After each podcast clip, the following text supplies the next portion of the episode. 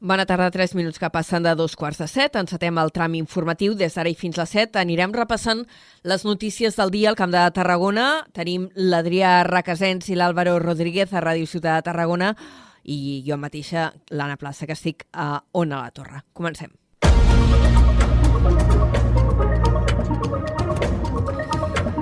I avui comencem explicant-vos els resultats de l'Observatori de la Qualitat de l'Aire al Camp de Tarragona que s'ha presentat avui i que per primera vegada ha mesurat, ha mesurat eh, de manera contínua les puntes del compost U3 butadiè en un punt de captació situat al Morell. Tot i això, l'informe eh, que s'ha presentat avui, com dèiem, no ha detallat encara les dades concretes d'aquest compost, com serien les xifres dels episodis de contaminació, eh, ni els períodes d'exposició, ni el pic assolit. Adrià Requesens, bona tarda. Bona tarda. Aquest estudi l'impulsen Repsol i l'Associació Empresarial Química de Tarragona i el realitzen l'Institut Cerdà i la URB. El catedràtic de Química Analítica de la Universitat Rovira i Virgili Francesc Borrull, que en les poblacions més properes als polígons es constata una major contaminació ambiental assenyalat. Ara bé, manifesta que la presentació de compostos orgànics són similars a ciutats amb molt de trànsit. Des del punt de vista de suma de tots els compostos orgànics volàtils, és el que hem comentat aquí. D'alguna manera, molts d'ells estan relacionats amb el trànsit. Eh? I, per tant, doncs, ciutats que tenen la mateixa població amb el mateix trànsit doncs tenen nivells bastant similars a aquests compostos. Estem parlant dels batecs, dels benzens, toluens, xilens, que són els típics de motor de motor d'explosió. Alguns d'aquests compostos, eh, com l'1,3 butadiè, encara no estan regulats, si bé alguns països com el Canadà tenien nivells de referència. El president de l'EQT, Ignasi Canyagaral, demana que si es legisla sobre el tema es faci a nivell de tota Europa. Totes les millores que s'hagin de fer a nivell legislatiu que les fem conjuntament a nivell europeu. És a dir, que no legislem concretament per un territori, com pot ser només Tarragona, només Catalunya, només Espanya, creiem que juguem en una lliga on competim entre tots i que les millores han d'afectar entre tots. Amb aquestes dades, tant el director de Rapsol Tarragona com el president de la EQT han coincidit que han de servir per millorar els processos productius. Canyagaral ha remarcat l'estudi com un exercici de transparència.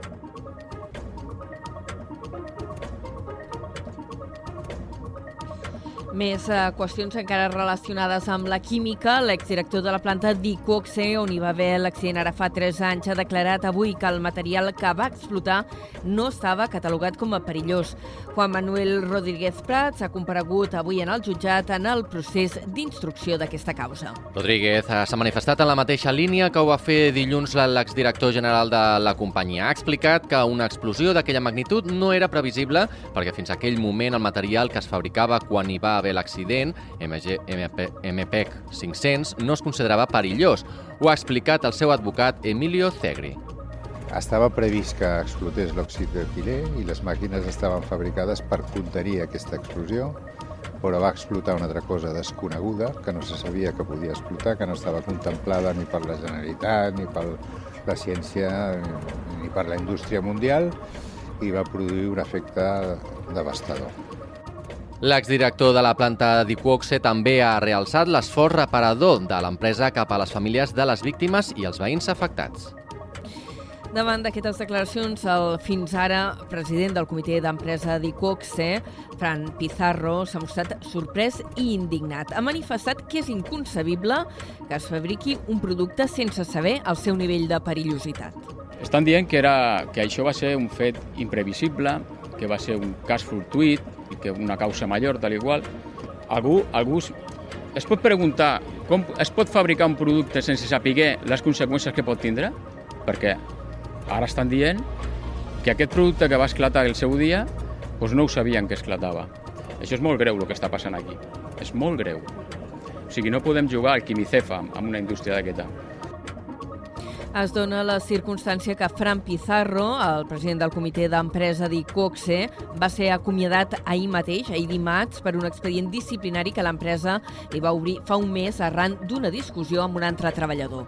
Amb tot plegat, avui un centenar de persones s'han concentrat a Tarragona per denunciar que aquest acomiadament és un cas de persecució sindical.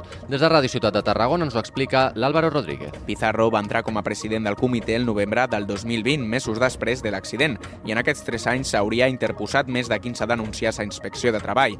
Comissions Obreres denuncia que en aquest temps el president ha patit una forta persecució sindical que va culminar aquest dimarts al vespre amb el seu acomiadament. L'empresa ho ha fet de manera disciplinària a través d'una una falta greu per una discussió entre Pizarro i altre membre del comitè. Pizarro assegura que aquesta falta és només un pretext per tallar el cap d'una de les veus més enfrontades a l'empresa. El president demana a l'administració pública i l'EQT acabar amb la mala praxi d'Iquoxe. Això serà el nostre bastió. Per lluitar pels drets dels treballadors, jo pateixo això ara mateix. És completament injust el que han fet amb mi. No perquè sigui jo, pot, passar qualsevol, perquè això no pot continuar així. I això és un missatge tant per les administracions com per l'empresa i també per l'EQT. Tarragona vivim molta gent de la química. Tenim que continuar vivint de la química, però amb la màxima seguretat i velar pel, pel medi ambient. Comissions Obreres ha anunciat que convocarà mobilitzacions i vagues fins a aconseguir la readmissió de Pizarro. Des del sindicat han demanat també a la Generalitat posar mans a la seguretat de l'empresa i acabar amb la seva impunitat davant la inspecció de treball. Fons a l'empresa, per cert, han negat eh, persecució judicial i han explicat que Pizarro va insultar i amenaçar fins i tot intentar agredir un altre empleat al final d'una reunió sindical i asseguren que en tenen testimonis. Abordem altres qüestions. Els Mossos d'Esquadra han detingut avui un segon home en relació amb la persona morta que ahir a la tarda va ser localitzada al centre de Valls amb signes de violència. L'arrestat és un individu de 30 anys que ha estat localitzat a la mateixa capital de l'Alcamp. La víctima és un home de 45 anys amb problemes de drogues. Feia dies que el buscaven i el seu cos va aparèixer ahir a la tarda als baixos d'un bloc del carrer de l'Església en el ple centre de Valls. Els investigadors van verificar que presentava signes de violència. En relació amb aquest crim, els Mossos van detenir ja un primer home ahir mateix a la tarda. Està previst que passi a disposició judicial durant les properes hores i més eh, qüestions relacionades amb el fet divers, ara per explicar-vos eh, noves incorporacions policials. Concretament, una vintena de nous agents s'incorporen a la Guàrdia Civil a la demarcació de Tarragona i s'aniran desplegant pel territori. El subdelegat del govern espanyol, Santiago Castellà, els ha donat avui la benvinguda. Durant tot el matí, els agents han participat en una jornada de xerrades amb el personal de la mateixa comandància. A més d'aquests agents, la Guàrdia Civil rebrà al juny un altre reforç de 16 alumnes que faran les pràctiques a Tarragona en el Servei de Vigilància Marítima en entorns naturals o en infraestructures estratègiques com el Port de Tarragona o l'Aeroport de Reus i un uh, operatiu policial uh, ha inspeccionat set locutoris de Reus i ha acabat amb el documís d'objectes per valor d'uns 20.000 euros. L'operatiu, liderat pels Mossos, va tenir lloc aquest dimarts al matí. Des de la nova ràdio de Reus ens ho amplia en David Fernández. L'operatiu policial va escorcollar set locutoris del carrer Misericòrdia de Reus en un espectacular dispositiu conjunt amb l'objectiu de detectar possibles irregularitats en els mateixos establiments. L'actuació va finalitzar amb un home investigat per un suposat delicte contra la propietat industrial i dues persones traslladades a comissaria per una presumpta infracció a la llei d'estrangeria. Els Mossos van aixecar també quatre actes a cinc dels set locals per irregularitats administratives i la Guàrdia Urbana en va aixecar tres més en tres locals per deficiències lleus. Per la seva banda, la Guàrdia Civil va aixecar sis actes per no aplicar-se l'IVA i va denunciar els propietaris d'aquests establiments per contraband. Finalment, tècnics d'inspecció de treball van observar possibles irregularitats en dos dels locals. Moltes gràcies, David. I hem de fer referència a l'incendi que s'ha declarat aquest migdia a Vilaverd, a la Conca de Barberà, en què afectava inicialment sobretot terreny agrícola i que els bombers ja fa una bona estona, eh, diverses hores de fet, que han donat per estabilitzat. D'aquesta manera ja s'han retirat els dos avions de vigilància i atac que s'havien mobilitzat en un primer moment. Ara hi continuen treballant amb 12 dotacions, una d'elles un helicòpter bombarder. D'altra banda, els bombers han treballat aquesta nit per apagar dos incendis en habitatges, un a Cambrils i l'altre a Reus. En cap dels dos han hi hagut ferits.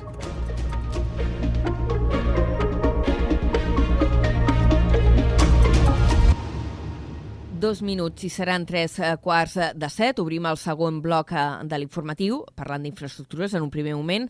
Els ajuntaments del Morell, Rodabarà i Creixell se sumen a la reivindicació d'una línia específica de mercaderies que passi per l'interior i que no travessi els seus nuclis urbans o poblats. Els representants de la plataforma Mercaderies per l'interior s'han reunit els darrers dies amb aquests tres consistoris per traslladar-los la seva proposta.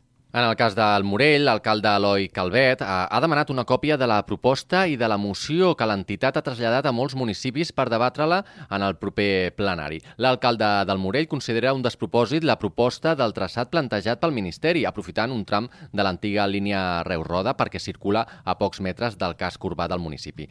En el cas de Roda, la plataforma es va reunir amb l'Ajuntament i també amb l'Associació de Veïns. Tant consistori com veïns també rebutgen aquesta proposta del Ministeri demanen que la línia de mercaderies es faci en paral·lel a la línia de l'alta velocitat, tot i que sigui una opció més cara perquè s'haurien de construir cinc túnels.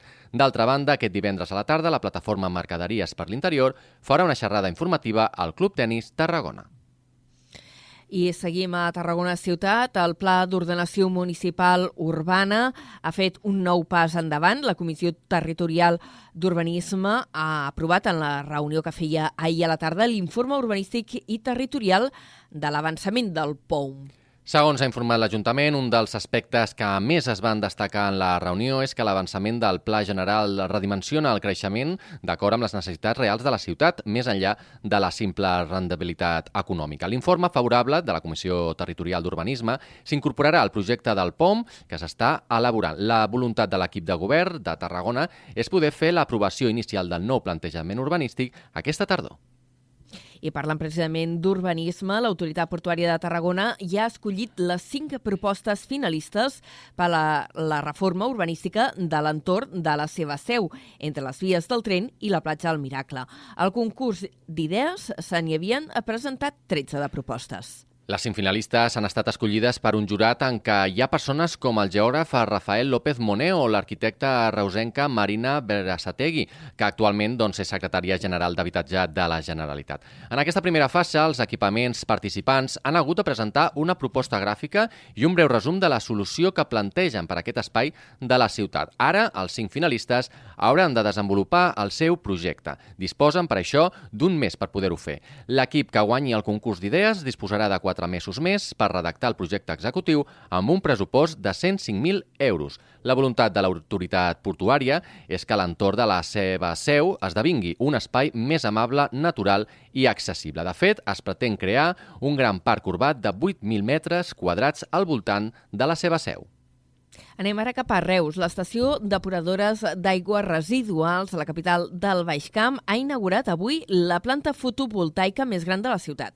El projecte compta amb 972 plaques de captació social, tal com ens explica des de la nova ràdio de Reus, en David Fernández.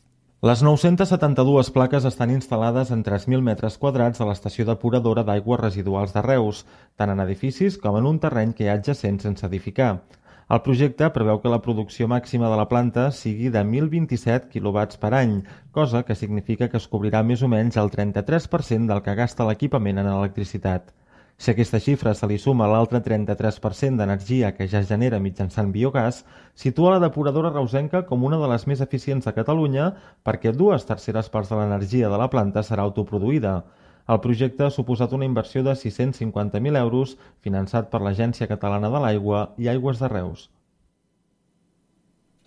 Moltes gràcies, David. Més eh, qüestions d'àmbit local, i en aquest cas una mica comarcal també. Eh, tornem a traslladar-nos a la Conca del Camp, perquè el Cap de Montblanc ha posat en marxa la prescripció social per evitar l'ús de medicaments. Es fa una crida a entitats i associacions que es converteixen en actius de salut. Ens amplia la notícia la nostra companya de Ràdio Montblanc, la Gemma Bufies. L'àrea bàsica de salut de Montblanc ha posat en marxa la prescripció social.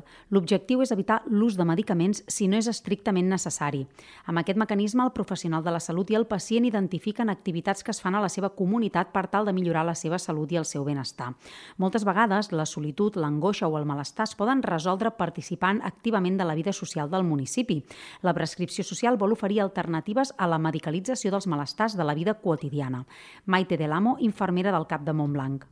El 80% dels factors que generen malestar en, en els individus i en les comunitats estan fora del sistema sanitari. Són, són mm, problemes que generen un malestar i ho, comporten pues, bueno, pues, tenir una, una, una feina precària, el tenir problemes econòmics, el tenir càrregues a la, a casa amb els fills, amb gent gran.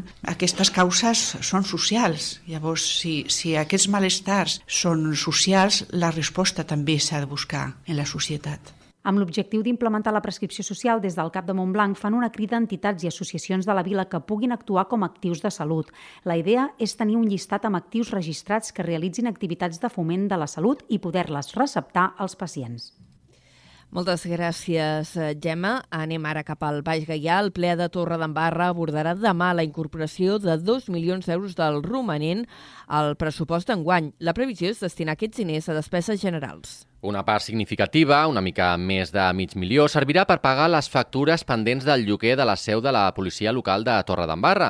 El romanent també servirà per suplementar partides de diferents regidories. Així ho ha avançat el regidor de Via Pública i Manteniment, Raül Garcia. I ara amb el romanent de tresoreria doncs, podem eh, fer aquesta modificació de crèdit que quan vam aprovar el pressupost ja vam explicar que l'utilitzaríem doncs, per eh, engreixar algunes partides que havíem d'haver ajustat i, i bé que ens permetrà doncs, assolir tots els reptes que tindrem durant, durant l'any vinent. Un altre punt de l'ordre del dia és la declaració de bé cultural d'interès local del jaciment del conjunt de la Capella de la Sort i el Camí Fondo. I a Altafulla, l'Ajuntament consulta el veïnat de l'urbanització de Brises del Mar el tipus d'enllumenat públic que volen per a la zona.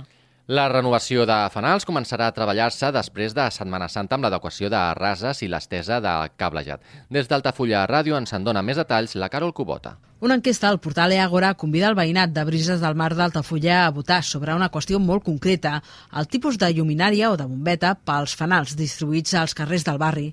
Hi ha dues opcions sobre la taula i amb la consulta hi ha el desig que la gent d'aquest entorn decideixi amb quin sistema se sent més còmode, segons ha explicat la regidora d'Urbanisme Marisa Méndez Vigo la gent ha d'estar còmoda amb la llum que tindrà tot el barri, perquè no és únicament una, un, un carrer o una zona, sinó que és tot el barri.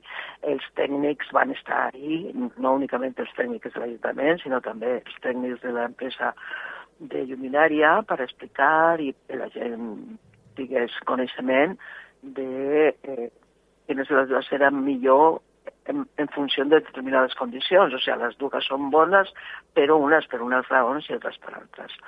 Les dues opcions que es contemplen, assegurar la regidora, tenen la mateixa qualitat i es distingeixen principalment pel tipus de llum que donen. Una és més freda i l'altra més càlida, i entre elles també hi ha altres petites diferències respecte a la contaminació lumínica que suposen i a la seva capacitat de traure insectes. Tornem a Reus un moment perquè el sistema d'abús a demanda a la zona nord de la ciutat es posarà en marxa dilluns vinent. Aquests dies, de fet, s'estan acabant de fer totes les proves reals amb l'aplicació amb què gestionarà el servei, el personal i el vehicle que farà els desplaçaments. El projecte Bus per Tu neix de la necessitat de cobrir millor la zona nord de la ciutat, actualment amb una baixa freqüència de pas. El nou servei és sota demanda, compartit i flexible i permetrà els desplaçaments amb origen o destí des de qualsevol punt de la zona de cobertura a l'Avinguda de Sant Jordi. En el cas del barri Gaudí, només s'hi permet accedir en direcció a l'Avinguda de Sant Jordi. La tornada s'ha de fer amb línies regulars. I a Tarragona el projecte Dinem en companyia s'expandeix a partir de la setmana vinent a la llar de gent gran centre.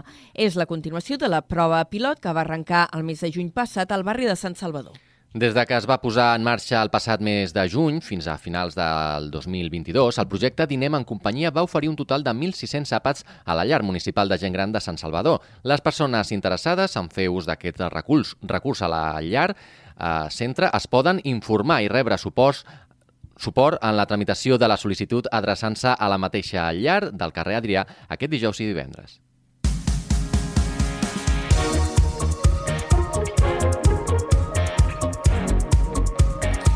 I avui en esports no parlem exactament de competició, sinó de propostes més aviat lúdiques i socials que ens permeten al mateix temps conèixer el territori. Comencem parlant de la, nova, la novena edició de la marxa cicloturista Musara Reus, que es farà el 16 d'abril. S'han establert dos recorreguts. El més exigent fa 200 quilòmetres i té un desnivell acumulat de 3.500 metres. Laura Navarro ens ho explica des de Baix Camp Ràdio. Aquest any s'inclou la distància de 200 quilòmetres substituint a l'anterior de 95 per tal de donar una volta més i fer que sigui un repte més enllà, tot i que es manté la distància de 135 quilòmetres. Gemma Gerbolés, directora de la cursa, explica quins són els objectius. No, no hi ha premis, no hi ha classificacions, eh, al final el, el ciclisme per, per nosaltres és, és una manera de, de viure i de passar-nos-ho bé i som professionalment amateurs, per tant no, no necessitem aquesta part competitiva. Sí que és veritat que el temps final no és l'important, l'important és, és gaudir d'una un, bona jornada de, de ciclisme en un, un entorn que és privilegiat. De moment s'han comptabilitzat un total de 2.400 inscripcions, un molt bon senyal de que la cursa serà tot un èxit. Moltes gràcies i també destaquem la 14a marxa de les Terres del Gallà que es farà eh, del 29 d'abril a l'1 de maig i que recuperarà el programa clàssic després de 3 anys condicionat per la pandèmia. L'activitat impulsada per Terres del Gallà manté l'aposta per reivindicar el respecte i el coneixement del territori a través de l'entorn natural. Des d'Altafulla Ràdio ens en dona més detalls en Marc Pérez. La tradicional marxa per les Terres del Gallà ja té dates. Serà els dies 29 i 30 d'abril i 1 de maig en què l'entitat durà a terme la 14a edició d'una cita ineludible pel calendari dels amants de la natura, el territori i el senderisme. L'entitat ja va recuperar l'any passat el recorregut sencer durant els tres dies habituals i ara també ho faran les pernoctacions. Això ho ha explicat el seu tresorer, Pep Muntades. Guany tenim la sort que el dia 1 de maig és dilluns i per tant tindrem tres dies festius. Aviam si la marxa el dia dissabte 29 d'abril, diumenge 29 d'abril i el dilluns 1 de maig. I en guany ja recuperarem diguem-ne, la, la plena normalitat, no? Ens tornarem a quedar a dormir. L'any passat vam fer la marxa completa, però no ens vam quedar a dormir en el camí. I aquest any pensem que tornar a recuperar les antigues, antigues versions de la marxa. Els participants completaran un recorregut de tres etapes que seguiran a Riu Gallà des de Santa Coloma de Caral fins a Tamarit. Les inscripcions, de moment, són tancades i es preveu iniciar-les a mitjan mes d'abril.